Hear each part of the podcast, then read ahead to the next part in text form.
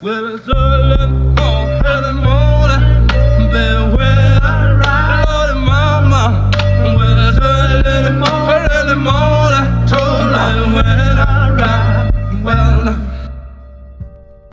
Witam bardzo serdecznie y, wszystkich słuchaczy kompresora za mikrofonami Mateusz Kaczmarczyk. I Patryk Wójcik, który jest bardzo zmęczony. No trochę jestem, powiem szczerze, że trochę jestem. Y, miałem kilka losowych sytuacji ostatnio, mianowicie wyobraź sobie, cofałem i stukłem reflektor w samochodzie. No nie, ty i ten twój samochód. No niestety, ostatnio y, bardzo dostaję bęcki, ale to nie z jego winy, tylko z winy właściciela, który czasami ma delikatną nieuwagę za kierownicą, ale mam nadzieję, że poprawię ten stan rzeczy. Jakie masz tematy, Mateuszu, na dzisiaj? Ja byłem na premierze Cruelli, e, nowego filmu disneyowskiego, live action adaptation, tak to się chyba nazywa in Englishation, czyli e, postać z filmu 101 Dalmatyńczyków Disneya wróciła w formie granej przez aktorkę Emma Stone. Dużo usłyszałem złych recenzji, dużo usłyszałem recenzji, że jest to jedna z najlepszych prób podejścia do tego formatu wymyślonego przez firmę Disney dla samej siebie, czyli weźmy stary film animowany i przeróbmy go na wersję aktorską. I ja powiem, że jestem pomiędzy, czyli 50 na 50. I to z różnych powodów. Najpierw powiem o tym, co jest dobre w... Nie, najpierw powiem o tym, co jest złe w tym filmie. E, mianowicie, film jest stworzony, wydaje mi się, totalnie dla nikogo, ponieważ nie jest lekką i zabawną komedią akcji dla małych dzieci. E, Nie jest też filmem kompletnie dla dorosłych, ponieważ brakuje w nim scenariuszowej konsekwencji. Scenariusz jest stworzony przez dwie osoby, Dane Fox i e, Tony'ego McNamara i odnoszę wrażenie, że jedna osoba odpowiadała za to, żeby to się trzymało disneyowskiej kupy, druga osoba odpowiadała za tę część modową, czyli żeby stworzyć scenariusz po prostu wokół świata mody w Wielkiej Brytanii lat 70., bo o tym jest e, film i jakby tak trochę niezręcznie sklejono to wszystko do kupy. Połowa filmu, czy jest wiele osób, według mnie słusznie porównywana do e, filmu Diabeł ubiera się u Prady. No właśnie, bo ja pisałem o tym filmie newsa jeszcze jakiś czas temu. No i spotkałem się wcześniej i też sam zawarłem tą informację w mojej wiadomości, że Cruella to swoisty pokaz modowy na ekranie. No właśnie, i tutaj przejdę do dobrej części. Ja się nie znam na modzie i nawet ja oglądając film pomyślałem sobie, to są dojebane kreacje, to są ciuszki, za które warto e, było wydać pieniądze, żeby je zobaczyć na dużym ekranie.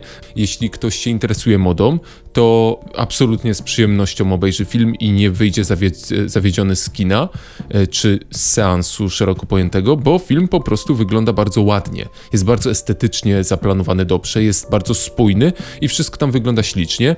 Drugim pozytywnym aspektem tego filmu to jest fenomenalna ścieżka dźwiękowa, w której dobrano mnóstwo kawałków rockowych z lat 70.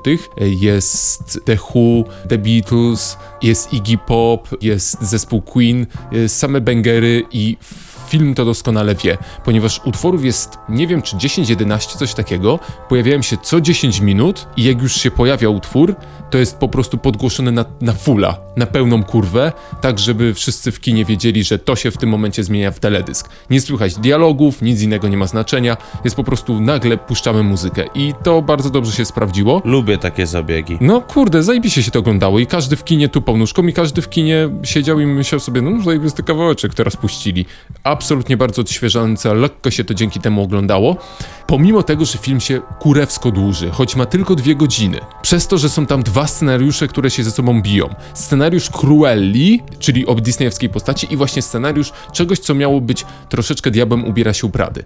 I jeśli miałbym oceniać aspekt wizualny, to czy się dobrze na nim bawiłem i tak dalej, to dałbym 10. Ale jeśli miałbym ocenić całą Cruellę, to dałbym 1, dlatego moja ocena to 5. Pół filmu stara się pokazać jakby ten origin story złego charakteru, a druga część filmu na siłę próbuje uczynić z niej bohaterkę i sprawić, żeby ludzie z nią sympatyzowali, żeby ludzie jej współczuli i film nie trzyma się przez to kupy. Ta postać, grana przez Emma Stone, która tam się produkuje jak skurwysyn, ty w końcu nie wiesz, czy ona ma być dobra, zła, o chuj tym twórcom chodzi. I ja osobiście w ogóle bym się nie obraził, gdyby do tego filmu podeszli twórcy jak do Jokera. Czyli 2 godziny 15 w realistycznej scenografii o młodej dziewczynie, która wchodzi do świata mody i jest gotowa na wszystko, żeby odnieść sukces i na przykład, nie wiem, w połowie filmu okazuje się, że pojawia się konkurentka, która jest od niej 10 razy bardziej zdolna, więc ona postanawia zrobić coś okropnego, nie wiem, zabić kogoś i zrzucić winę na tej konkurentkę. I to byłby film o złym charakterze i nikt by się nigdy na to nie obraził. Nikt się nie obraził na to, że film Joker opowiada o ewidentnym czarnym charakterze. Wręcz uznawany jest za wybitne dzieło. A propos scenografii, no przygody Batmana, Gotham City, przygody innych różnych bohaterów, raczej fikcyjne miejsca, a w Cruelli mamy typowo Londyn. Czy to dobrze wpływa na film, który poniekąd jest takim fantastycznym tworem? Osadzenie go w realnej lokacji? To lokacja londyńska jest bardzo disneyowska, to znaczy to jest Londyn, który kilka miejsc w filmie przysięgam, że wygląda jak plan zdjęciowy. I odnoszę wrażenie, że chyba tak było, bo są miejsca, których ewidentnie nie dało się zbudować, ale odnoszę wrażenie, że wszystko to, co dzieje się na, e, na ulicach, które nie musiały być koniecznie nazwane z, z imienia i z nazwiska, czyli sławne miejsce numer XYZ, to to chyba było w studiu nagraniowym. To jest taki Londyn, który jest na żywo, ale wygląda jak trochę narysowany. Czyli film, znaczy gdzieś tam scenografia się wpasowuje w to, jak wygląda film i to wszystko jest takie smooth. Jeśli chodzi o aspekt wizualny, smooth all the way. Ja y, ze strony filmów miałem do zaoferowania, chciałem zaoferować sporo, ale poruszę jeden dosyć ważny temat, bo mówię, a, obejrzę do kompresora jakiś film. Mam pewien problem z filmami ostatnio i jestem ciekaw, czy choruję na to sam, czy nie tylko do momentu pójścia przed wielki ekran do kina nie wiem, czy zdołam obejrzeć jakiś film, ponieważ ostatnio odpalając jakikolwiek film, po prostu usypiam. Jakkolwiek nie byłby on ciekawy, nie mogę obejrzeć filmu. Ostatnio włączyłem Blade Runnera, tego nowego, i usnąłem, tak po prostu. Ale to, to nie twoja wina, bo Blade Runner nowy jest y, do, do uśnięcia. Byłem na nim w kinie i myślałem, że usnę, a jestem fanem tego filmu, więc... Ale powiedz mi w takim razie, okej, mamy Blade Runnera, powiedz dalej jakieś przykłady, bo może tutaj twoim problemem nie jest to, że nie, ty nie jesteś Ja nie problemem. jestem problemem, problemami są filmy, tak? Co, co cię jeszcze wynudziło? odświeżanie filmu, w sensie odświeżenie starego filmu. Może też przez to usnąłem, bo chciałem sobie obejrzeć mianowicie Hangovera. Który nie jest raczej filmem do usypiania. No właśnie. Nie wiem o co chodzi, ale wydaje mi się, że po prostu przeglądając ostatnio platformy streamingowe, nie mówiąc nazw, powiem szczerze, że no nic. No po prostu nie ma co oglądać. To jest prawda, platformy streamingowe to jest bardzo zabawne, bo jest tyle wielkich filmów, które chciałby się zobaczyć i ich nigdzie nie ma. Znowu HBO i Netflix jakąś podpisali chyba umowę ponad podziałami, ponieważ oni wymieniają się dokładnie tymi samymi filmami. Joker jak nie jest tu, to tam, Przyjaciele są raz tu, raz tam, Jamesy Bondy y, raz tu, raz tam, y, znowu Harry Pottery się wymieniają z Władcą Pierścieni. Operują z stoma filmami, Ale why? To nie ma sensu. W ogóle to nie ma sensu. I ja najbardziej ubolewam nad tym, że nie można nigdzie obejrzeć klasyk kina. To znaczy kina polskiego, ale też na przykład filmów z innych krajów niż Stany Zjednoczone. Dużo jest fajnych francuskich filmów. Oglądało się włoskie jakieś filmy. W ogóle się tego nie da nigdzie znaleźć. Trzeba wykupywać za 20 zł pojedyncze filmy. Czasami jest tak, że ja usnę przeglądając platformę streamingową. tak więc Ej, no dobra, no ale czy jest na to jakaś rada dla ludzi, którzy naprawdę mają z tym problem? Mam na przykład ziomka, który jak chce iść spać i nie może usnąć, to odpala Tokyo Drift i moment, w którym ochroniarz skanuje tego... W końcu doszliśmy do tego, że to jest pingwin, to jest kaczka, pingwin, nieważne. I on już wtedy jest jak wiesz, śpie. I to jest jego sposób na usypianie. Ale czy jest jakaś rada dla ludzi, którzy naprawdę szczerze chcą obejrzeć pod wieczór film, ale ich usypia. Jest jakiś typ filmów, który cię nigdy nie uśpi? Chyba nie. Nie ma. Nie ma, nie. Ja potrafię czasami sobie włączyć dla uśnięcia absolutne kino akcji, które powinno być wybudzające i kino chyba nie ma takiej aż takiej mocy, żeby wybudzać, wywoływać aż tak drastyczne reakcje. To, co mnie wkurza, to właśnie ta monotonność to bardziej. To chodzi o tę monotonność tej oferty filmowej na platformach. Włączasz i żaden film cię nie zachwyca i na żaden film tak niespecjalnie czekasz. No bo można byłoby oczywiście kupić dostęp do wszystkich platform wszechświata i Ale ile by na to wychodziło No pieniędzy, bo to jest w ogóle druga sprawa. Więc przesłanie jest takie, że jeżeli chcecie obejrzeć cały film od deski do deski, dla mnie, według takiej swojej gdzieś tam autopsji, myślę, że kino. Jakby to jest zawsze. Nie, nie zdarzyło mi się usnąć w kinie. Mnie też, nie, nie, nigdy, ani razu. Ja mam tylko takie jedno przesłanie. Według mnie powinniśmy zacząć pisać do Netflixa i do HBO po prostu listę. Chciałbym, żebyście załatwili ten ten film. Wiesz, trzeba im dać do zrozumienia, ej stary, kupcie też jakieś fajne kino, kurwa, które nie jest... No po, poszukajcie czegoś fajnego, no czegoś z Lastrada, nie wiem, może coś artystycznego. Czy kinematografia teraz może ma po prostu kryzys? No nie wiem, no nic chyba nie wychodzi takiego wow. E, no ale kurna, no 100 lat ma kino już, no co, nie dało się znaleźć nic innego? No to fakt, to fakt, to fakt, to fakt. Z 200 drugiej krajów robi filmy co roku, kurwa, Bollywood napierdala filmami dzień i noc, a ci kurwa puszczają, wiesz, Harry'ego Pottera w kółko. Ja mam włączone aplikacje HBO Go i Netflixa naraz i czasami gubię się, na której jestem platformie, tak bardzo wyglądają identycznie. No, Ale wiesz, ale z drugiej strony może te firmy typu Harry Potter jakoś im się tam zwracają w liczbach. Ej, no tak, oczywiście, że tak. Jest oczywiście kanon. Ja nie mówię, że Disney ma przestać robić filmy typu Cruella, że Warner Bros. ma przestać robić Supermany, ale no to też nie można tylko napierdalać cały czas hamburgerów i Coca-Coli i uważać, że ma się zdrową dietę. No jedną rzeczą jest fakt, że hamburgery są przepyszne, a pizza jest super delicious, a drugą rzeczą jest to, że czasami trzeba jednak napić się zwykłej wody i przegryźć to brukselką, bo pierdolnie ci serce w wieku 50 lat. Kino jest dosyć ciekawe. Ale muszą je ugry... Właśnie, bo ja się boję, że te platformy streamingowe mają za przeproszeniem wydupie. Czy ty oczekujesz kina jakiegoś tam jakościowego? Wydaje mi się, że może to być tak, że rzeczywiście liczą tylko na liczby. No i wtedy to wiesz o tym, że nic z tym nie zrobimy.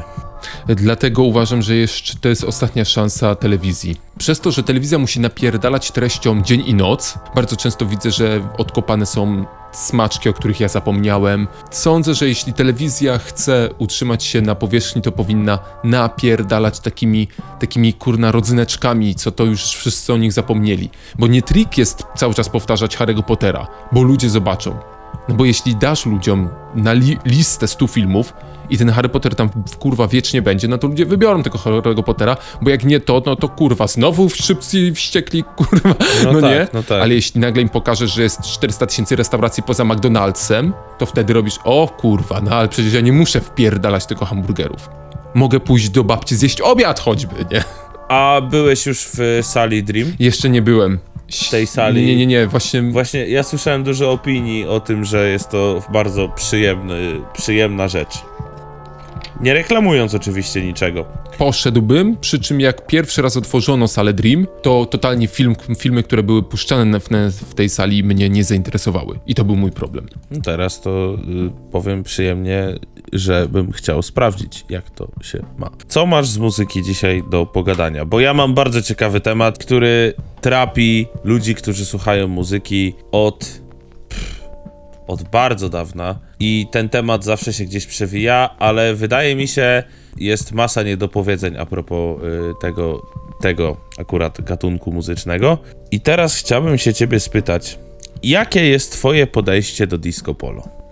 U, odkopałeś, y, proszę ciebie, Relikt. relikt, ale też parę brudnych kaloszy. Mam dwie twarze, jeśli chodzi o disco polo. Jedna twarz to jest twarz obrońcy disco polo. Odpala się ona zawsze, jak ktoś zaczyna się wprost śmiać z disco polo i podchodzić do disco polo z pretensjonalnym takim, to nie jest muzyka. Stary, to, że tobie coś się nie podoba, nie oznacza, że nie jest muzyką. Zbyt wiele było gatunków muzycznych, które na, na początku były uznawane za gówno y, w historii ludzkości. Zbyt wielu artystów pojawiło się i byli, ludzie się z nich śmiali. Dzisiaj za absolutny szczyt muzyki popularnej uważa się zespół The Beatles, który przez cały czas swojej kariery był poza nastoletnimi dziewczynkami uznawany za absolutne gówno. I nikt y, szanujący się tego nie słuchał. To samo było z zespołem Queen. Druga część mnie niestety widzi, że ten gatunek niestety nie ma Nie jest ambitny, no. z nim jest gorszy problem. Muzyka disco polo jest dokładnie jak to oglądanie w kółko kina akcji bezmózgiego i niestety, ale ludzki mózg musi się rozwijać coraz to bardziej wymagającymi e, treściami. I gust muzyczny również się rozwija. Mieszkam na wsi i mam kontakt z ludźmi, którzy poza disco polo i taką prostą muzyką nie słuchają nic innego. Aż tak? Naprawdę. Vox FM w traktorze na fulla, a w weekend umcu umcu w remizie. Ich mózg jest tak zdegradowany, jak wątroba tłuściocha, który napierdala pizzę cały dzień. Trik z jedzeniem fast foodów polega na tym, że ty odczuwasz fizycznie, jakie konsekwencje miało wpierdalanie tłuszczu z cukrem przez 25 lat życia. Ale nie spojrzysz na swój własny umysł i nie dojdziesz do wniosku, wow, on jest głupi. Tylko próbujesz bronić, ale mnie się to podoba, ale ja lubię taką muzykę. Jednak uważam, że im człowiek ambi- z ambitniejszymi treściami, bardziej rozwiniętymi kultury się spotyka, tym jego mózg jak mięsień bardziej się ćwiczy i wtedy możesz docenić disco polo, ale też umieć spojrzeć na niego z trochę innej fasady. Ja mam duży problem z disco polo ze względu na to, że nigdy nie potrafiłem się otworzyć na tą muzykę. Zawsze gdzieś ta muzyka powo- powodowała taki mój wewnętrzny cringe, taki... A, takie... Oj no... Ja tak na weselach miałem, jak byłem mały. Co? Czemu oni to puszczają? Ja nie umiem tego rozpoznać. Ja nadal tak mam. Ja nadal stary tak mam na weselach. Odkryłem, co to jest. No. Wiem, czym jest ten cringe. Pół roku temu leżałem w jakiejś malignie na łóżku i miałem otwarte okno. I w oddali, Było słychać Zenona. przysięgam, w tej malignie myślałem, że ktoś puścił piosenkę dla bobasów z kanału ABC. Taki dla małych dzieci, dla bobasów. No, no, no. I ja myślę sobie, kto tak puszcza głośno jakieś bajki dla dzieci, wiesz? A ja otwieram okno, przysłuchuję się, a to, a to jest po prostu piosenka disco polo. To jest muzyka dla bobasów skierowana dla dorosłych. Dlatego ludzie, którzy mają jakikolwiek rozwinięty gust muzyczny, czują się fizycznie chorzy. Bo to jest tak, jakbyś musiał siedzieć przez 2,5 godziny i oglądać bajki z jednorocznym dzieckiem. A teraz kolejne pytanie, bo już powiedzieliśmy o słuchaczach disco polo. Wydaje mi się, że warto poruszyć też temat twórców tej muzyki. Czy to są osoby, które traktują przemysł muzyczny jako maszynkę do zarabiania pieniędzy? Czy myślisz, że są wśród nich ludzie, którzy mówią, tak jak wiesz, ktoś na przykład robi pop, nie? Na przykład mamy takiego Weekenda. Nie wiem, pierwszy z kolei, który mi wbił w głowę. I The Weeknd, e, żeby sobie zaeksperymentować, o tym już mówiliśmy, wraca gdzieś tam do lat 90., 80., no nie? Eksperymentuje, robi coś ciekawszego niż inni, stara się bawić tą muzyką. A teraz czy wśród artystów disco-polowych są same maszynki do pieniędzy? Czy też są ludzie, którzy ambicjonalnie podchodzą do tematu disco polo? Z doświadczenia niewielkiego z twórcami disco polo wiem, że disco polo jest gatunkiem, który z definicji jest komercyjny. Ale wiesz, whatever shit, to mi się wydaje, że gdzieś tam Boney M i tak dalej, to to samo mniej więcej, w sensie to samo, że to też było tam gdzieś dla kasy. Wiesz o co chodzi, szukam w tym artyzmu, o, sztuki. W przypadku krajów, gdzie, ten, gdzie ta komercja znalazła też jakieś swoje ujście artystyczne, tam zawsze wchodziły, wchodziły naprawdę grube pieniądze, ale też wchodzili prawdziwie utalentowani ludzie. Y, Jeden z najwybitniejszych i najbardziej popularnych kompozytorów muzyki filmowej, on robi tak naprawdę symfoniczną wersję napierdalanki. Tak, tak. Prawda? No i jest to sztuka. A w przypadku disco polo niestety zabrakło realnego talentu. No właśnie. Wiesz dlaczego na przykład wszyscy w disco polo śpiewają jak taki mają dziwny, wysoko żabi głos? Ponieważ Martyniuk, on tak mówi i śpiewa. Po prostu przychodzi i robi dzień dobry, przyszedłem na wywiad. I on nie umie śpiewać. Ale z drugiej strony to jest gość, który kocha muzykę. Kurwa, no każdy kocha muzykę, ja pierdolę. Bo mówiąc o Zenonie, to jest tak ciężko mówić. Wiesz, o, jest pełno zespołów disco-polowych, które mają, za przeproszeniem, wypierdolone w to, Tak. jak to brzmi. I to jest problem. Może nie to w to, jak to brzmi. Obchodzi ich to, jak to brzmi, do momentu, aż zarabia pieniądze. Ich obchodzi, jaki jest tego efekt. O, Przykre to. ponieważ jest to muzyka dla ludzi kompletnie y, niewykształconych kulturowo w stronę muzyki. Ludzi nie, nie głupich, tylko muzycznie i kulturowo prostaków. Po prostu. I mówię to z absolu, absolutną sympatią dla tych ludzi. Przy czym nie umniejszając nikomu, bo od nikogo nie wymagamy tego, żeby ktoś był high-endowym y, researcherem kultury. Nie, nie, nie. Dla każdego muzyka jest potrzebna. Problem polega na tym, że gdy, gdy masz klientów biedry, to nagle nie masz potrzeby tworzenia produktów wysokiej jakości. I to tworzy taki toksyczną relację twórca i odbiorca. Ci twórcy Disco Polo, oni widzą, że jakby nagle wyjechali z czymś ambitniejszym, to to by było jak rzucenie perły między wieprze. Więc nawet nie próbują. Czyli zostawiamy po prostu disco polo samo sobie. Zostawiamy i niech oni się tam grzebią. I nic się z tym nie zrobi. Niech oni się tam miętolą we własnym sosie. No to dobra. To dawaj teraz twój temat. Ten niemuzyczny. Przechodzę do tematu w takim razie mojego i jest to historyjka. Grałeś w Tonego Hawka Underground 2? Po bardzo, bardzo dawno temu w Tonego Hołka grałem. Nie orientuję się w serii, ale no, pewnie tak. Tam w Underground 2 jedną z ostatnich misji, jedną z ostatnich plansz jest plansza, która się nazywa Skatopia. Wygląda jak skatepark zrobiony w środku lasu, zrobiony z jakichś, jakby ze, ze śmieci. Skatopia istnieje naprawdę. W Ruthland w Ohio ma 36 hektarów. W 1995 roku się zaczęła budowa przez gościa, który się nazywa Browns Martin, chyba się nazywa ten facet. W 1995 roku zebrał kasę i kupił ziemię w Ohio i postanowił budować skatepark dla anarchistów, gdzie ludzie będą mogli sobie przyjeżdżać za darmo i jeździć na desce i robić imprezy. To się udało. Oprócz tego stworzonych jest kilka dokumentów na temat skateopii. Był tam też Bam Margera, był Tony Hawk, y, był kilka zespołów bardzo ważnych tam wystąpiło. Vice zrobiło dokument na temat skateopii. O dziwo, to miejsce wciąż funkcjonuje i do dziś można tam przyjechać i po prostu spędzić tyle I czasu. jeszcze nie spłonęło. I jeszcze, no i właśnie to jest, oglądałem e, dzisiaj rano dokument na temat skateopii i komentarz to był właśnie, pierwszy komentarz gościa to było, ej, to jest w chuj dziwne, że to jeszcze nie spłonęło w piździec. Tam na przykład rozrywką jest przyjechanie starym gratem, który się rozpierdala i podpalenie tego grata albo zostawienia, żeby go zdemolowali. I robienie, wiesz, wyścigów, rozrzu- próba przerzu- przewrócenia go na dach. To jest rozrywka ludzi, którzy tam przyjeżdżają. Oprócz tego, żeby jeździć na deskorolce, bo jest tam podobno bardzo dobrze skonstruowany skatepark. Kultura skate'ów jest mega ciekawa. Jakby to, jak ta kultura się przewijała przez punk, przez skinheadów, punków, gdzieś w Kalifornii miały tam zalążki grupy y, wspierające białą supremację. Potem gdzieś to znowu się przewinęło, potem nagle rap. Kultura skate'ów to jest. Tak, zahaczyło o czarnoskórych. Tak, tak. Gdzieś To jest ciekawe, bo. to, to zrobiło jest tyle tylko- kółek. To jest, to jest kultura, która kurwa krąży wokół deski z czterema kółkami. No nie? I na której nie za bardzo da się cokolwiek zrobić. No. Bo e, owszem, trików jest dużo, ale za szybko tym nie pojedziesz. Nie zahamujesz tego, bo nie ma hamulców. Nie za bardzo jesteś w stanie to kontrolować. Jak ktoś nie umie na tym jeździć, na- nawet ludzie, którzy umieją na tym jeździć, wiedzą, że na przykład to nie jest wygodny środek lokomocji do przejechania przez miasto jak rower. Rowerem możesz robić triki, ale na rower możesz wsiąść I i normalnie, realnie nim pojechać i ba- za bardzo się nie zmęczysz.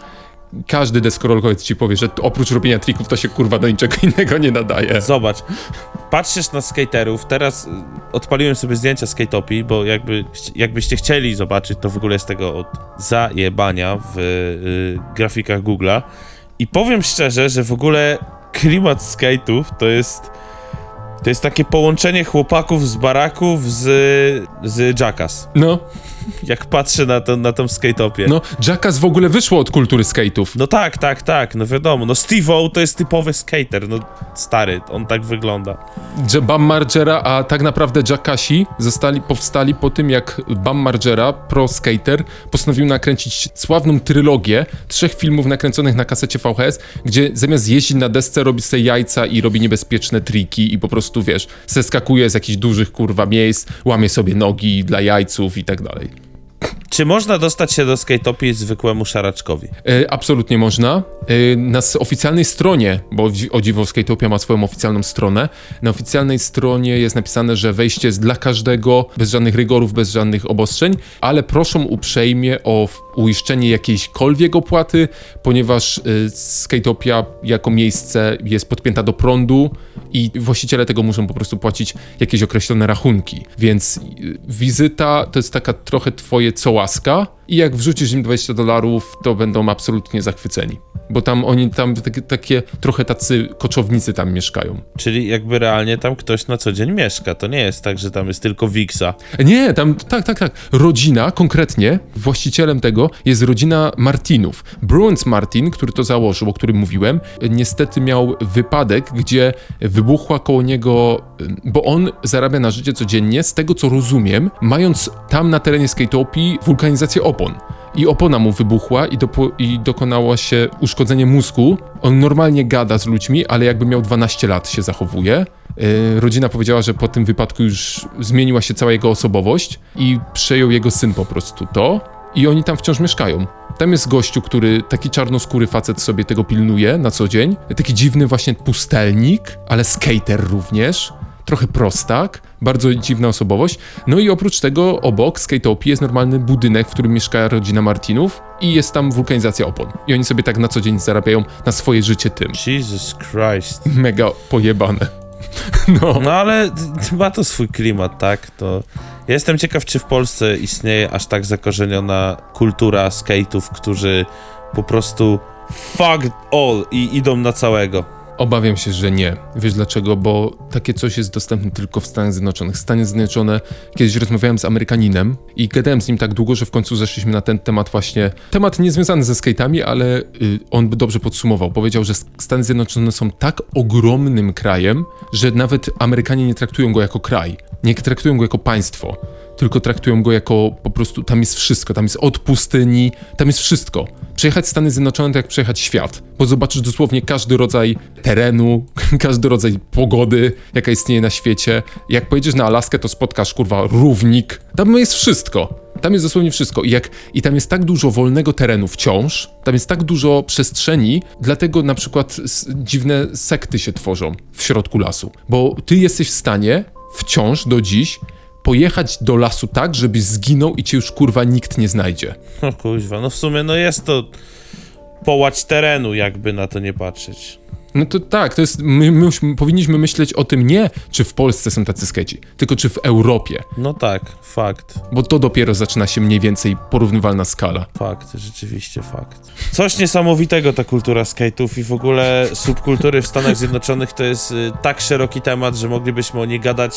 W ogóle możemy na to poświęcić cały odcinek. Ja jestem fanem Stanów Zjednoczonych od strony każdej chyba. Tak mi się wydaje, ze względu na różnorodność i to, jak ten kraj, czy nawet można powiedzieć, że taki zbiór krajów, no bo patrząc na to, jak wielkie są różnice między e, poszczególnymi stanami, nawet pomiędzy poszczególnymi hrabstwami, to na temat tego kraju można rozmawiać godzinami.